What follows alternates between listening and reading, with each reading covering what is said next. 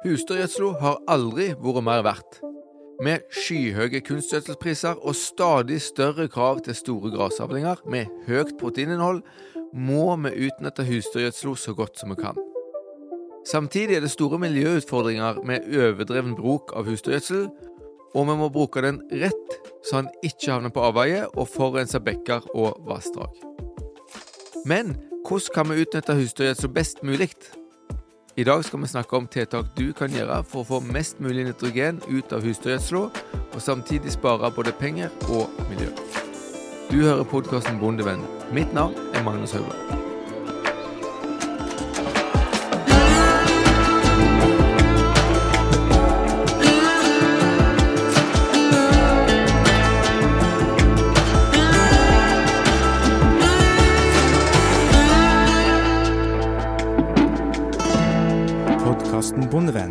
Presentert i samarbeid med Sparebank1 SR-Bank og Tveit Regnskap.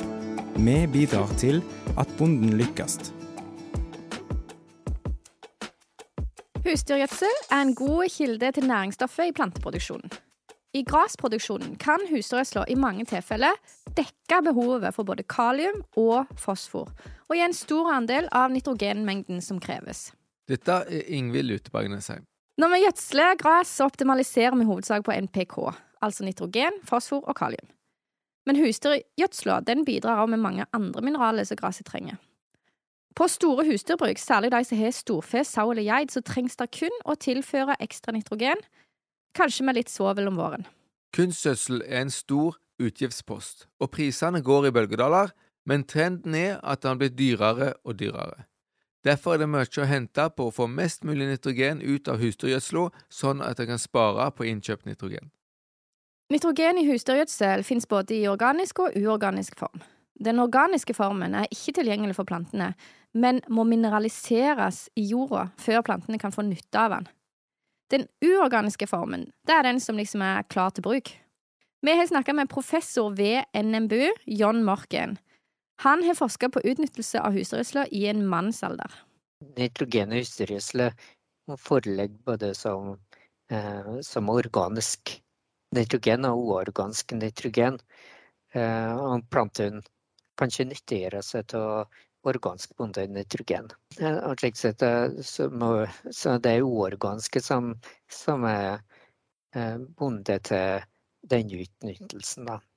Og det er i form av ammonium, ammoniakk. Så det som gjør gresset grønt om våren, er altså ammonium og ammoniakk fra husdyrgjødsla?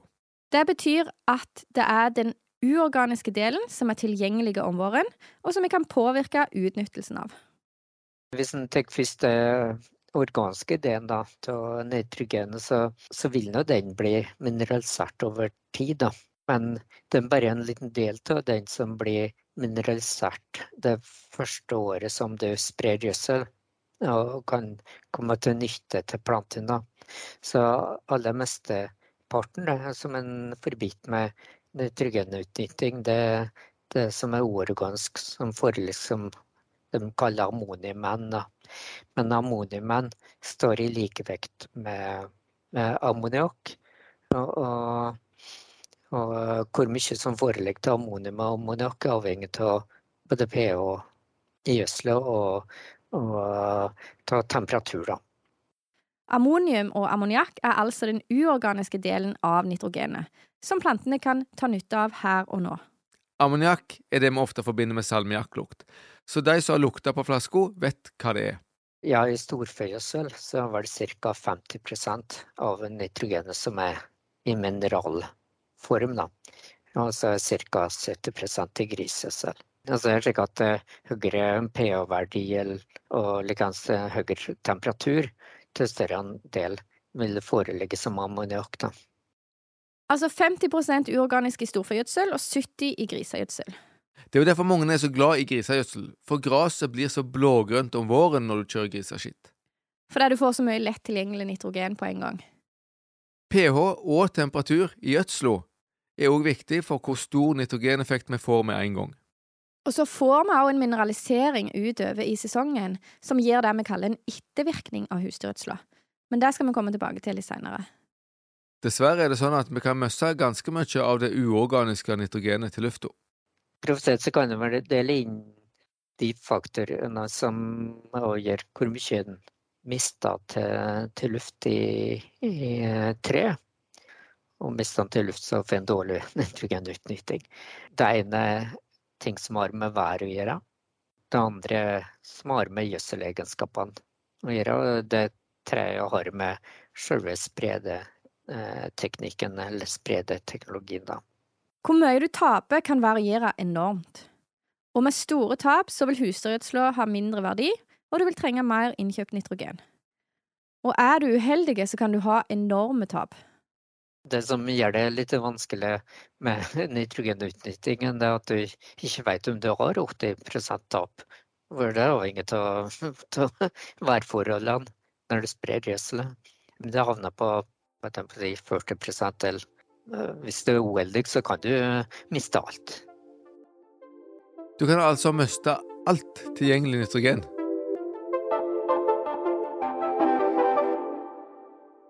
Godt kjent at vi skal ta hensyn til været når vi sprer husdyrgjødsel. Temperatur og like solinnstråling og, og, vind og nedbør, det er de tingene som betyr noe for eh, ammoniakktapet. Og dersom gjødselet ligger på jordet, eh, som det vil gjøre i eng, Eh, så, er ting som går på tørking av gjødselet, det er sol og, sol og vind, eh, det vil medføre økt tap. Med nedbør vil og den andre effekten, den vil vaske gjødselet på en måte ned i, i jorda og gi lavere tap. da.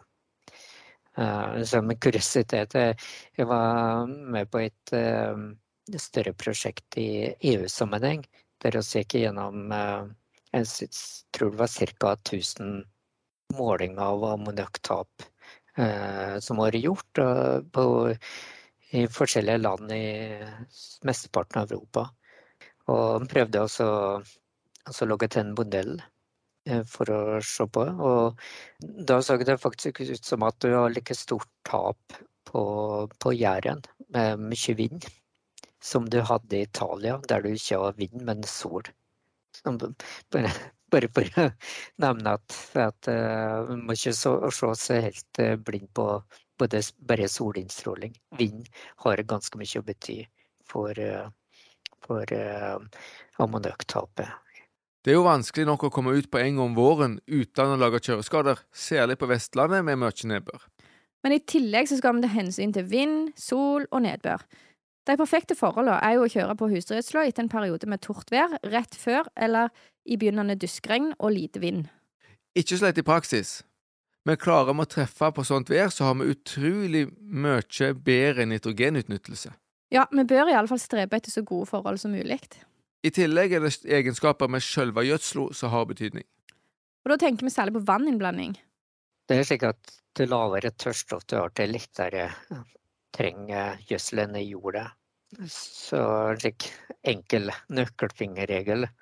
Altså, man ser på, på de forsøkene som jeg har gjort, og som har vært gjort i andre land, at eh, en reduksjon på tørrstoffinnholdet i gjødsel på 1 eh, det er en eh, reduksjon i tap på omtrent 10, 10% Og det betyr at hvis du blander inn 50 vann, da. Blir mengda med å blande inn vann, så reduserer vi tapet med 50 eh, eksempel så vil 50 vanninnblanding i ei husdyrgjødsel som har 8% i, i starten, bety betyr at du får 4 eh, tørrstoff. Og, og hvis du hadde 80 tap på 8 så vil tapet være redusert til 40% med den vanninnblandingen.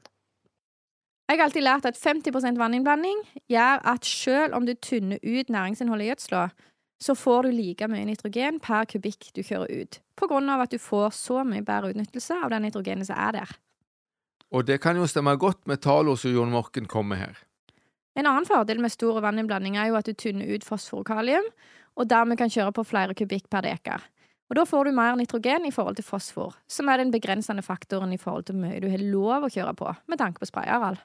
Men så må vi jo ut med dette, og kjører du med vogn, så tar det veldig lang tid. Det resulterer ofte i at en investerer i større vogn, så igjen gir mer jordpakking. Og det bringer oss videre til spraymetode. Jeg vil påstå at den mest geniale oppfinnelsen som er blitt gjort innenfor landbruket, er slange- og stripesprayerutstyr. Enig, og det er fantastisk mange fordeler med denne metoden. Og I den forbindelse så har jeg snakka med vår gode venn, gjødselentreprenør og melkebonde Jakob Eskeland. Han har kjørt rundt med slange- og stripesprayer i mange år. Fordelen med å bruke slangesprayer er at uh, det er det beste tiltaket du kan gjøre for å redusere jordpakkinga. Og det uh, er veldig effektivt. Og eh, i tillegg så har du mulighet til å redusere nitrogenfordampinga veldig mye når du da bruker stripesprayer. Eller du kan òg ha veldig mye vann i, for eh, det skal ikke transporteres i, i vogn. Dermed er det ikke så farlig om du har mye vann i. Og Da reduserer du nitrogenfordampinga veldig. Å gå over til slange- og stripesprayer er en veldig konkret ting du kan gjøre for å få bedre nitrogenutnyttelse av husdyrgjødsla. Og I tillegg er det økonomiske fordeler. Det er, Utnytte nitrogen er viktig fordi at uh, gjødselprisen er så enormt høy for tida. Og da er eh, det å gå på slangespraying et av de enkelttiltakene du kan gjøre for å gjøre best, størst utslag på et uh, normalt norsk husdyrbruk. En av de største fordelene med stripesprayer eller nedlegger er at gjødsel kommer raskt ned i jorda. Og det er viktig, for det er ammoniakk det fordamper i lufta. Men med en gang du får den ned i jorda, så vil den binde seg til jordpartiklene og bli der. Det er slik at eh, ja, Når jeg sier likevekten mellom ammoniakk og ammonium Ammonium er et positivt eh, har en positiv ladning. Eh, og generelt så, så jordet har en eh, pH på jeg vet ikke hvor mye, 5,5 eller 6 det er ganske surt, da. Så med en gang du får det ammoniumet som er positivt lada ned i jorda, så vil det bli værende i jorda. Det går ikke andre veien igjen. Så hele greia med å, å få god utnytting av nitrogen eh, dreier seg kanskje om å få gjødselet raskest mulig ned i jordprofilet. Så det at nedleggeren legger gjødselen ned på bakken, reduserer tapet betydelig. Ja, så lenge gjødsla er tynn nok så den ikke blir liggende oppå gresset. Tapene de, de blir noe større til lenger gjødsel ligger på overflata. Uh, og det, han kan være gjøre skille da mellom spredning på eng og, og spredning på åpen åker. Men i gammel eng med tett grasvår kan jo gjødsel bli liggende i striper oppå gresset sjøl ved nedlegging. Og det ser vi jo mange plasser, særlig der som gjødsla kanskje er litt i torreste laget, bare sånn at den akkurat renner gjennom slangene. Så mye vann er veldig viktig. Skal det være å gå enda mer nøye inn i det, så kan du si at ei, ei førsteårseng der du ikke har, eh, har dødt plantemateriale på overflata, men du har ganske svart jord, der har du lavere tap enn ei gjeng som er kanskje en fem-seks år gammel, og der du vil ha et eh, nesten sperresjikt med, med dødt platemateriale som ligger oppå, oppå selve jordet. Nå finnes det en del stripespredere som har Tinder og litt for å, for å løse opp det her uh, sjiktet med, med dødt plantemateriale. Så det er en fordel å rispe litt i overflaten av en gjødsla for å få best mulig utnyttelse. Men det som er litt interessant, er jo å diskutere hvor mye vi faktisk kan redusere nitrogentapet med å gå fra vanlig bladspraying eller fanespraying til stripespraying. Ja, og det finnes jo utstyr som du kan få til gjødselvogner som skyter gjødsla ned i stedet for oppover, og reduserer kontakten med luft før gjødselen når bakken. Og Jeg har alltid trodd at det var et godt steg i rett retning, men John Morken hadde funnet ut at det ikke har så stor betydning så lenge gjødsla blir liggende på overflaten oppå bakken. Det var gjort en del målinger for, for noen år siden i Tyskland som prøvde å, å si hvor mye av ammoniakken blir tapt fra sprederen til når bakken. Det var ganske ganske lite, egentlig. Og hvis du legger den på overflata likevel, så, så vil du miste henne. Så, så det, totalt sett så spilte det ingen rolle. Men du har vel det På bre- breispredning så, så var det tapet Ja, du, du regner vel med en reduksjon av tapet med 60% tror jeg, på leggestripa i forhold til en bredspredning. Og du har nå den fordelen at du har mye mer jevn spredning med, med stripespredning. Noe av det som, som gjør at du får redusert tap, er at du øker kan, kan si, kontakt mellom gjødsel og jord ganske mye eh, i forhold til breispredning. Og det er liksom den kontakten med jord som er eh, alfa og omega for å unngå tap. Da. Det gjør at vi i praksis kan få like store tap med slangespraying som med breispraying, fordi gjødsla ikke kommer i kontakt med jord. Og det er jo helt krise. Ja, men hvis vi har nok vann og får dette til, så kan vi få opptil 60% reduksjon av tapet. 60% reduksjon i tap, det er veldig mye, så jeg er fortsatt frelst av strippesprayeren. Ja, jeg òg. Men det er jo noen praktiske utfordringer som jeg diskuterte med Jakob Eskeland. Blant annet dette med lange avstander, små skifter og veier som gjør slangespraying utfordrende. Til lenger det, til det bare har, har lengre slange. Og er det veier som krysses, så finner en alltid røyr. Det er mange plasser det er røyr som vi kan stikke slanger gjennom og få det til på.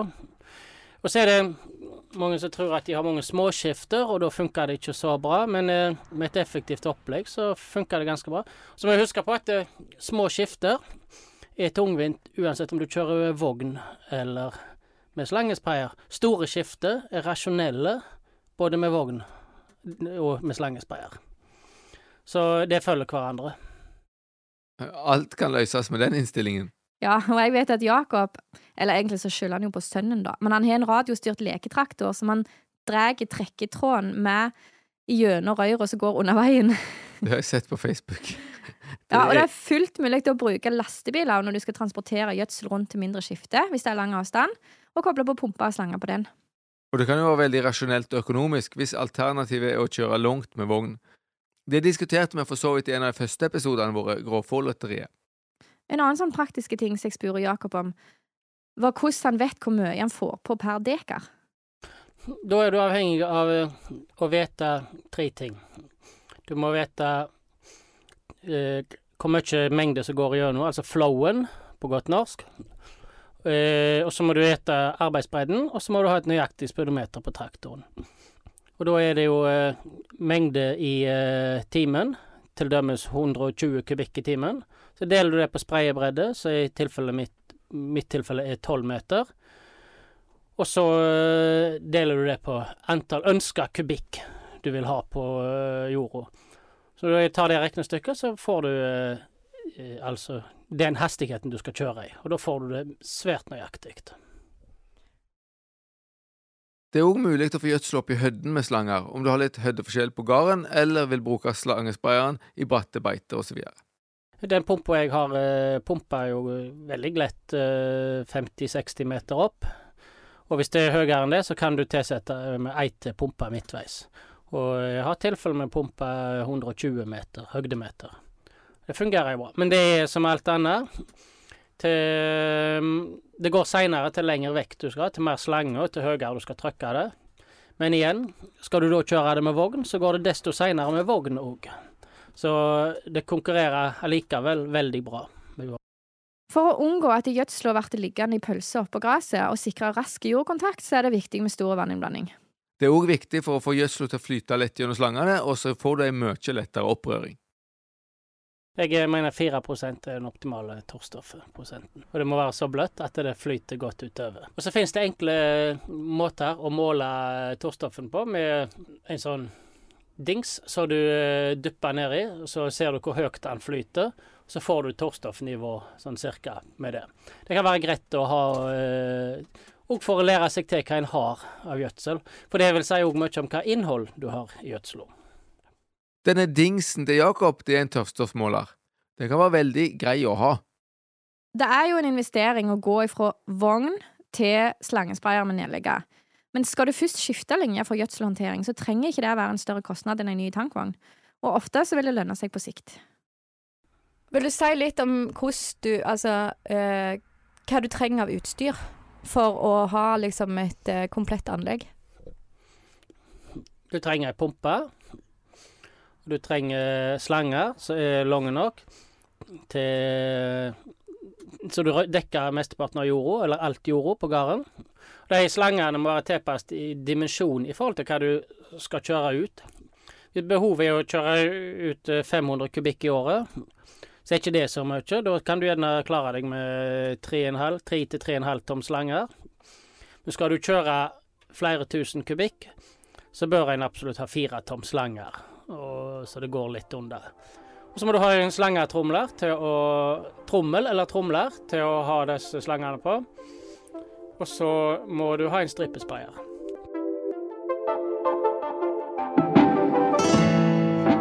Denne episoden er sponsa av Felleskjøpet Rogaland Agder.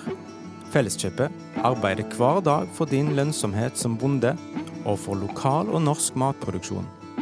Ta kontakt med en av våre konsulenter, eller gå inn på nettsidene våre bondekompaniet.no. Nå har vi snakka mye om nedlegging av husdyrgjødsla. Det går selvsagt an å ha nedlegger òg på tankvogn, men da får du ikke fordelen av å redusere jordpakkinga. Jordpakking og vannmetta jord gir oksygenmangel i jorda, og det gjør at nitrogenet kan bli omdannet til lystgass og øke klimagassutslippene. Men det skal vi komme tilbake til i en egen podkast. Jon snakka om at det viktigste for å redusere fordampinga av ammoniakk er å få gjødsla raskt ned i jorda. Og det finnes også utstyr som fysisk skyter eller skjærer gjødsla ned i jorda. Dette kalles nedfelling, og det kan fort blandes sammen med nedlegging. Men forskjellen er at du fysisk får gjødsla ned i jorda, ikke legger det i striper oppå. Den typen utstyr som er blitt brukt i Norge, kalles DGI. Hvis en skal gå enda hardere til verk, så har du de her nedfellingsteknologien. Eller, ja, for oss har det vært mest vanlig den der DGI, der du skyter gjødsel bakken. Som jeg jobba med på midten på, ja, på midt, fra midten på 90-tallet og utover. Enda mer reduksjon av, av tapene i forhold til bredspredning. Når vi skal lage gjenlegg, er det jo en diskusjon om vi skal kjøre på husdyrgjødsla før eller etter pløying. Vi har jo argumentert for å kjøre på før pløying, for å gjøre unna mest mulig av tungtransporten før du pløyer, for å unngå å pakke nyplødd jord. Men det gjør jo at det tar litt lengre tid før husdyrgjødsel kommer ned i jorda. Ser på åpen åker, så har den for det uh, to muligheter som gårdbruker. Det er til å spre gjødselet på pløyd mark og harve denne. Eller spre gjødsel først, og så pløye denne etterpå. Og det er i og med at, at det er den jordkontakten som er vesentlig her, så generelt så har du lavere tap å spre på, på ei, ei pløyd mark eh, enn en du har hvis du sprer først og pløyer etterpå. Uh, men men så, ja, så er det slik at eh, raskere som du, som du arbeider den inn i jordet med harving eller ja, nedpløying, så arbeider du inn i jordet. Det er kortere tid det går fra spredning til dunnarbeidet til, til lavere blir tapene. Så hvis vi tenker kun på nitrogen, er det best å kjøre skiten etter pløying? Men det har jo veldig liten betydning hvis vi måler skiten ned kjapt etter pløying. Det er jo faktisk krav om òg. John nevnte at i Nederland så var det krav om at du må ha to traktorer på skiftet samtidig hvis du kjører skit på før pløying, sånn at det er én traktor som kjører skiten, og så kommer det en traktor med plog rett bak og pløyer ned. Og Fordelen med å unngå jordpakking er så stor at jeg vil fortsatt anbefale å kjøre skiten før pløying. Ja, for hvis vi får pakka jord, så får vi mer utslipp av lystgass, og da taper vi jo nitrogen den veien.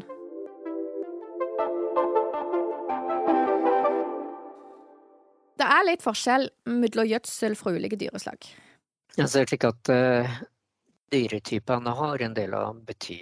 Uh, storfegjødsel den ville være mer si, seig, eller hva skal jeg si, enn det som, som er grisgjødsel og og det, det, betyr at den trenger ikke, storfjødsel trenger ikke så lett ned i bakken som, som grisgjødsel. I tillegg er det jo forskjellig innhold av fosfor og kalium på griseskitt. Grisegjødsel har mer fosfor og mindre kalium, noe som gjør at vi ofte må kombinere denne med NK-gjødsel for å få optimal gjødsling. Der det brukes grisegjødsel over mange år. Og NK-gjødsel det er nitrogen- og kaliumgjødsel. Fjørfegjødsel har litt av samme problemstilling, fordi han har så mye fosfor at det begrenser hvor mye vi får lov å kjøre på, og dermed blir det mindre kalium i enga. Det er òg en annen vesentlig forskjell på fjørfegjødsel og gjødsel fra andre dyreslag. Og det er jo at gjødsel fra fjørfe kommer ut gjennom kloakken, altså en felles utførselsgang av gjødsel og urin, og det gjør at urinen har en annen form. Fjørfegjødsel det er en litt annen historie, for at stor, storfe og gris og sau og geit, der eh, foreligger eh, ammoniumen i urin, som er ganske ganske flytende. Den foreligger i og for seg som, som urea, men, men, så har du et enzym i gjødselet som heter urease, som, som uh, splitter det urean opp i ammoniakk. Og den enzymprosessen den skjer kanskje bare først i løpet av ett døgn etter at du har fått gjødselet i, i lageret. Så den, den, skjer ganske momentant. Men fjørfegjødsel, der foreligger den ammoniumnitrogenet som et salt i fast form. Og, og for å få ammoniakktap og dårlig utnytting, så, så, må det oppløses i vann først. Da. Så en slik enkel sak å si, men ikke så enkelt å få til. Eh, det å si at eh, fjørfegjødsel bør du kanskje håndtere i fast form eh, helt til du kommer ut på jordet for å unngå tapene. Så tørrgjødselsprayer er ikke så dumt?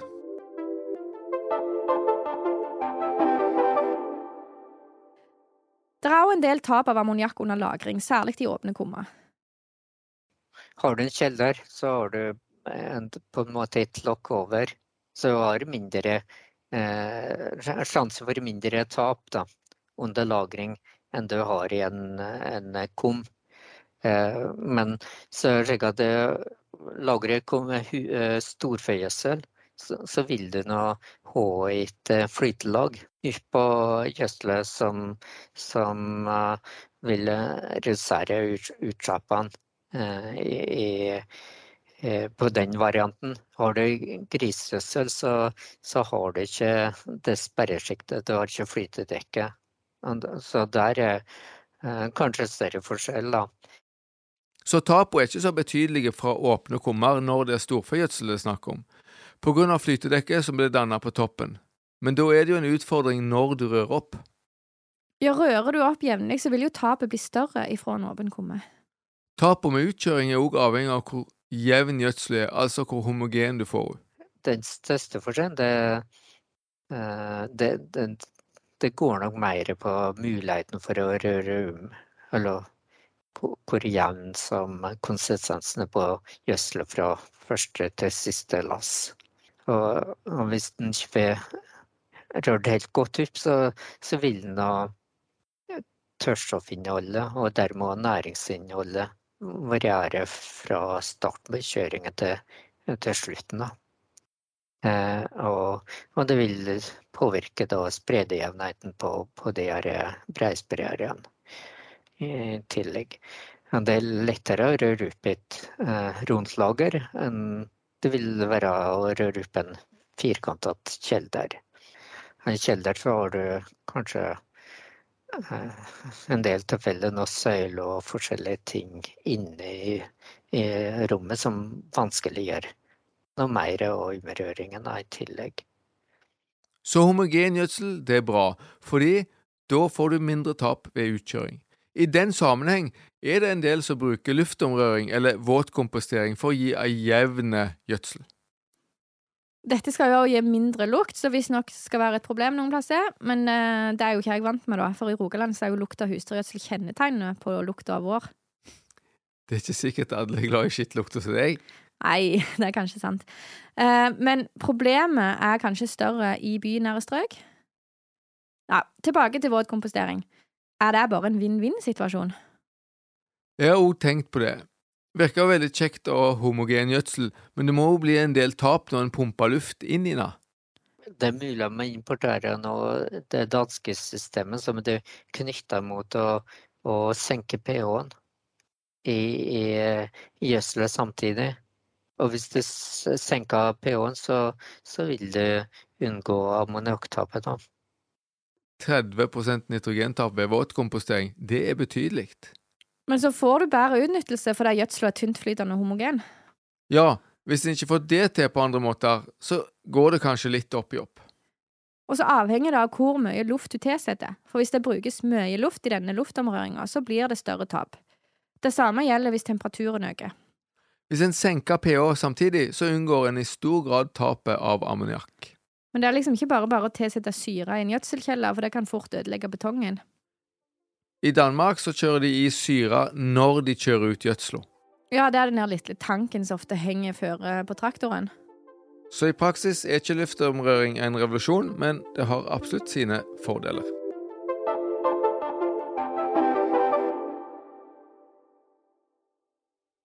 Vi nevnte jo tidligere at vi får en mineralisering av det organiske nitrogenet over tid. Altså den delen av nitrogenet som ikke kan utnyttes med en gang, og som ikke er så knytta til de tingene som vi snakker om i forhold til vær, tørrstoff og spraymetode. Det nitrogenet vi får fra mineralisering, er likevel viktig. Det påvirker blant annet hvor mye effekt vi får av gjødsla utover sommeren, og er grunnen til at vi ikke ønsker å spraye gjødsla for seint i sesongen, for da får vi mye ettervirkning når plantene egentlig skal gå i dvale på høsten. Mineralisering det vil jo si at det organiske nitrogenet blir omgjort til uorganisk nitrogen, som plantene kan nyttiggjøre seg av. Nøkkelfingerregel har vært satt si at per år så, så bryter ned ca. 20% av det nitrogenet. Det er flere ting som påvirker hvor mye mineralisering vi får. Temperatur er viktig.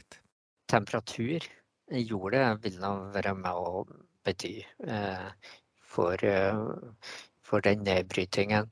Eh, vann Eh, har du for mye vann i jorda, så er det slik de kaller anaerobe forhold i jorda, så, så blir det noe lystgass av det som, som, ligger som nitrogen eh, i jorda.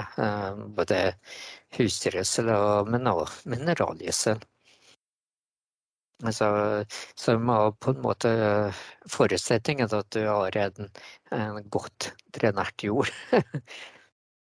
Ja, altså vi kommer ikke unna god drenering, av så mange grunner.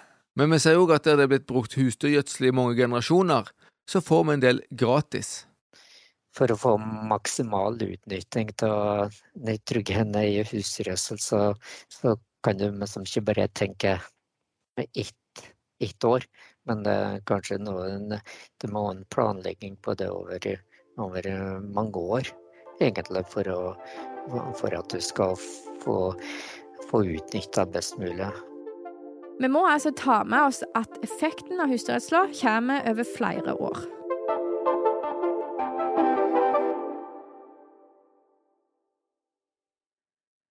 Det er altså mye vi kan gjøre for å redusere tapet av nitrogen, og det vil være både lønnsomt og bærekraftig. Men selv om vi vet at vi kan spare en del, så er det jo spørsmål om vi tør å redusere på kunstgjødsla når vi ikke vet helt sikkert hvor god nitrogenutnyttelse vi har hatt. Ja, så Kunsten er liksom å se an forholdene og vurdere hvor mye vi tør å redusere på innkjøpt nitrogen, som kan være en krevende øvelse.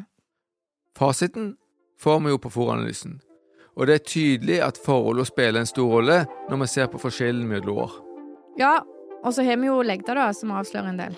Ja, når gresset har lagt seg ned på kne for å takke for gjødsla, da har vi gitt rikelig. Det er et aspekt til med husdyrgjødsla som vi bare må ha med når vi først er i gang å lage en egen episode om bondens gull. Og det gjelder regelverket og faren for avrenning. Da har vi snakka med Monica Dalmo, som jobber hos Statsforvalteren i Rogaland, eh, om hva regelverk vi skal forholde oss til, og hvordan vi kan redusere miljøpåvirkningen.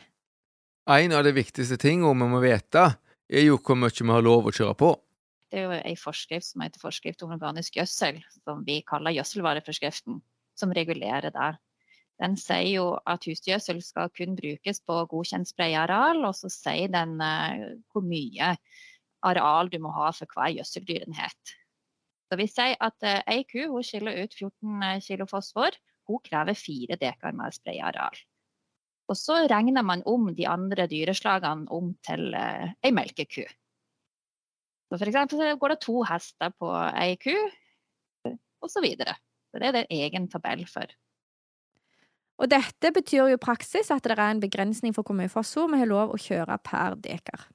Hvis man tenker at man i snitt bruker gjødsla på hele gården, så er det et makstak på, på 3,5 kg fosfor per dekar. Det er absolutt det maksimumet du kan ha uh, av fosfor i snitt på et, uh, driftsareal. Hvordan du fordeler husdyrgjødsla, kontrolleres via gjødselplan, men det er basert på tillit.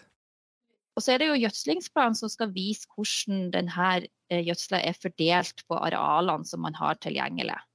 Eh, og da skal det være fornuftige mengder som planlegges. Man skal jo skrive hvor mye som man planlegger å gjødsel på våren og etter første slåtten og eventuelt etter annen slåtten. Eh, og det er klart at det å kontrollere at det faktisk er fem tonn som planlagt og bispredd, det, det, klarer jo ikke kommunene å kontrollere. Så her er man stoler jo på at man har en fornuftig fordeling. Det, det er man jo nødt til å gjøre. Uh, eller så kan jo forvaltninga ta en kikk på, på fosfortallene i jorda, og så se hvordan, uh, hvordan de har utvikla seg. Så Det er jo nesten den eneste måten forvaltninga kan sjekke at, at, man ikke bare sprer nærmest løe, men at man bruker hele sprayarealet sitt. Og det, det, er viktig at, at gjødsla blir fordelt så fornuftig som mulig. Den tilliten skal vi ikke ta lett på. Vi vet vi står overfor en innskjerping av sprayarealskravet, som kan ha veldig stor betydning for husdyrproduksjonen, særlig i Rogaland, men også i andre pressa områder rundt Oslofjorden for eksempel, som har så mye husdyr at mange sliter med å ha nok sprayeareal allerede i dag.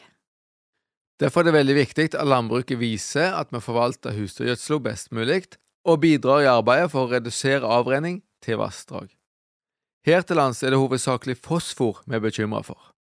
Risikoen for at fosfor havner ute i vassdrag, det er jo både at det renner av på overflata, sånn rett etter spraying.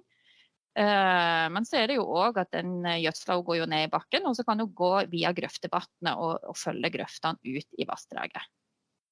Så det er jo flere veier. To veier på overflata, og, og den andre via grøftene ut det viktigste av alt er jo at den enkelte som gjødsler, på en måte tenker hvordan man kjører, og hvordan værforholdene er under spraying, så man prøver å unngå at det her havner der det ikke skal havne. Så bonden må sjøl gjøre vurderinger når forholdene ligger til rette, og hvor og når det er greit å spre gjødsla. Eh, husgjødsla skal jo bare brukes på jordbruksareal.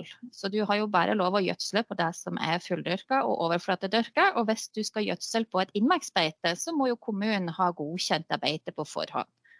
Og da skal kommunen ha sagt om hvor lang avstand du skal ha på, til vassdrag på det beitet når du sprer. Og da skal det ikke havne gjødsel på utsida av det som er godkjent.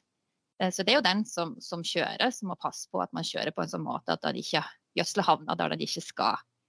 Uh, og selvfølgelig så er det den som kjører, som må tenke på hvordan er været, hvor mye mengder er det denne arealet treng, eller, kan ta imot. Uh, kommer det ei, ei, bøye rett etter spredning så, og det haller ned mot vassdraget, ja, så er det jo fare for at det renner av på overflate og havner der det ikke skal havne. Den, den risiko lever man, jo, lever man jo med, og det er jo opp til den enkelte som kjører å ta de de gode vurderingene der. Og da ser vi jo at, eh, at eh, når man bruker utstyr som, som, nedfelling og nedlegging, så kan jo det hjelpe på at man blir mer nøyaktig når man kjører. At gjødsla havner der den skal. Og det har vi jo støtteordninger til i regionalt miljøprogram. Tilskudd til, til bruk av sånn type gjødselutstyr. Og nå har du fått midler sånn at en ordning med tilskudd til nedlegging er utvida til hele Rogaland. Vi har jo eh, heldigvis fått økonomisk handlingsrom i regionalt miljøprogram til at vi kan si at uh, tilskudd til nedlegging og nedfelling, altså såkalt miljøvennlig gjødselspreng, det gjelder i hele fylket. Så det er vi veldig glad for at vi endelig kunne gjøre. Så det skjedde i fjor at vi gjorde den åpninga, og i år så vil vi kanskje se effekten av det i de nye områdene. Om våren er det ofte en problemstilling at jorda er vassmetta. Det påvirker hvor mye vi kan kjøre på av husdyrgjødsel. Jeg har ei oppfordring til de som, som bruker eh, nedlegging. At uh, de må passe på hvor store mengder de kjører på på våren. Det ikke kjører på så mye på jord som er for uh, vassmetta. At hun ikke er i stand til å ta imot de store mengdene. Da har vi sett at i enkelte tilfeller har det blitt eh, rett og slett overflateavrenning ned til vassdrag.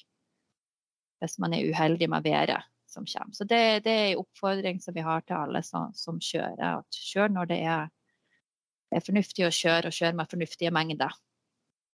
Samtidig så anbefaler vi jo å få ut mest mulig av husdyrgjødsla tidlig om våren.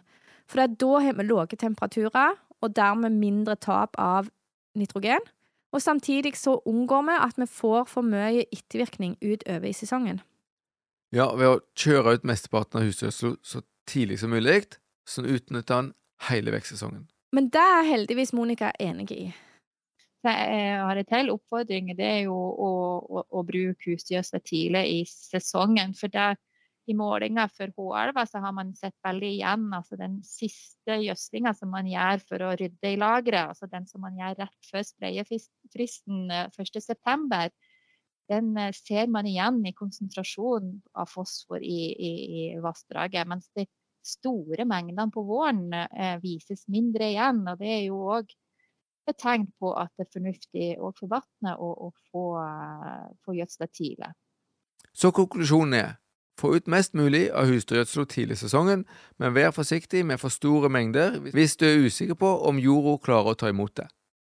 Ja, og har du en god fordeling på hele arealet, så trenger en jo heller ikke overdrive mengden. Og det å få ut gjødsel tidlig, det er jo gunstig for vipa. Det de klarer å kjøre tidligere, gjør jo kanskje at man kjører før at uh, vipo og andre bakkehekkende fugler ja, har laga til reiret òg, at man kanskje får mindre konflikt der. Ellers er det jo hvis man må kjøre med slepeslanger eh, etter at de eh, vipo og andre fugler har lagt reir, så finnes det jo de her vipediskene som man kan legge over, sånn at slepeslangen kan gli over. Så Det syns vi òg er kjempeviktig at man, man, husker på, sånn at vi ikke får at vi bruker over ti millioner i året på noe som er ikke bra for vipo og andre fugler. Så, så det, det dilemmaet der er man jo nødt til å løse løst.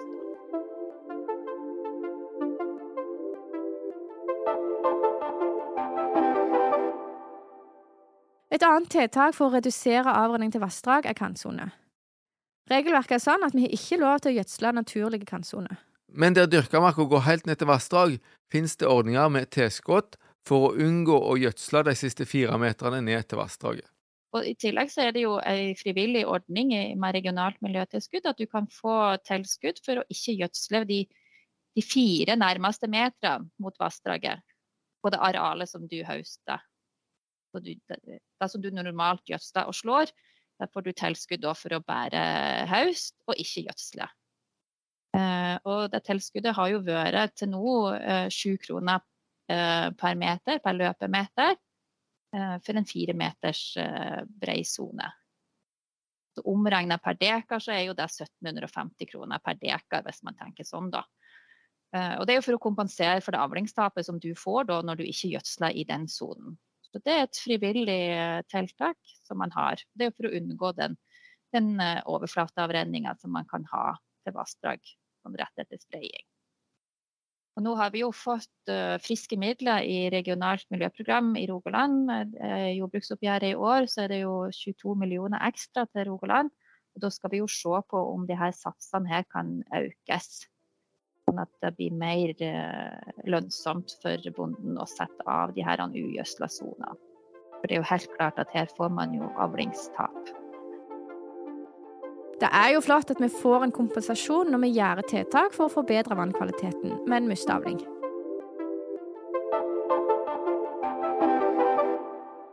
Da har vi hatt en grundig gjennomgang av bruk av husdyrgjødsel og nitrogenutnyttelse. Ja, det blei vel litt nerding i dag òg.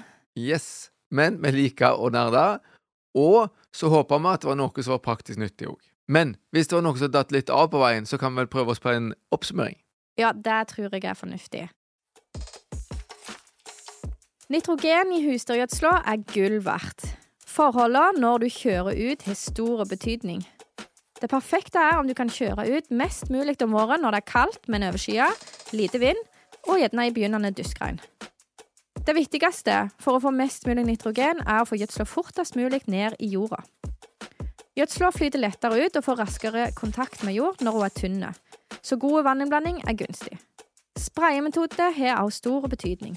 En nedlegger er en genial oppfinnelse som også sikrer raskere jordkontakt. Nedfelling er enda bedre med tanke på å redusere nitrogentapene, men det er ikke så vanlig her til lands, og vi har ikke så gode dokumentasjon på hvordan det påvirker avlinga. Spraying før pløying gir litt lavere nitrogenutnyttelse, men reduserer jordpakkinga er fortsatt anbefalt hvis en klarer å pløye dette ned raskt. Ta hensyn til forholdene, sånn at du unngår avrenning til vassdrag. Du har hørt på podkasten Bondevennen. Mitt navn er Ingvild Luteberget Nesheim, og jeg er rektor ved Vinterlandbruksskolen i Ryfylke. Og mitt navn er Magnus Haugland, og jeg er til daglig lærer ved Vinterlandbruksskolen i Ryfylke og rådgiver i NLR Rogaland. Har du spørsmål eller tilbakemeldinger, så send oss gjerne en e-post på podkast.bondevennen.no. Episoden er spilt inn i ABC Studio i Etne. Lyd ved Stig Morten Sørheim.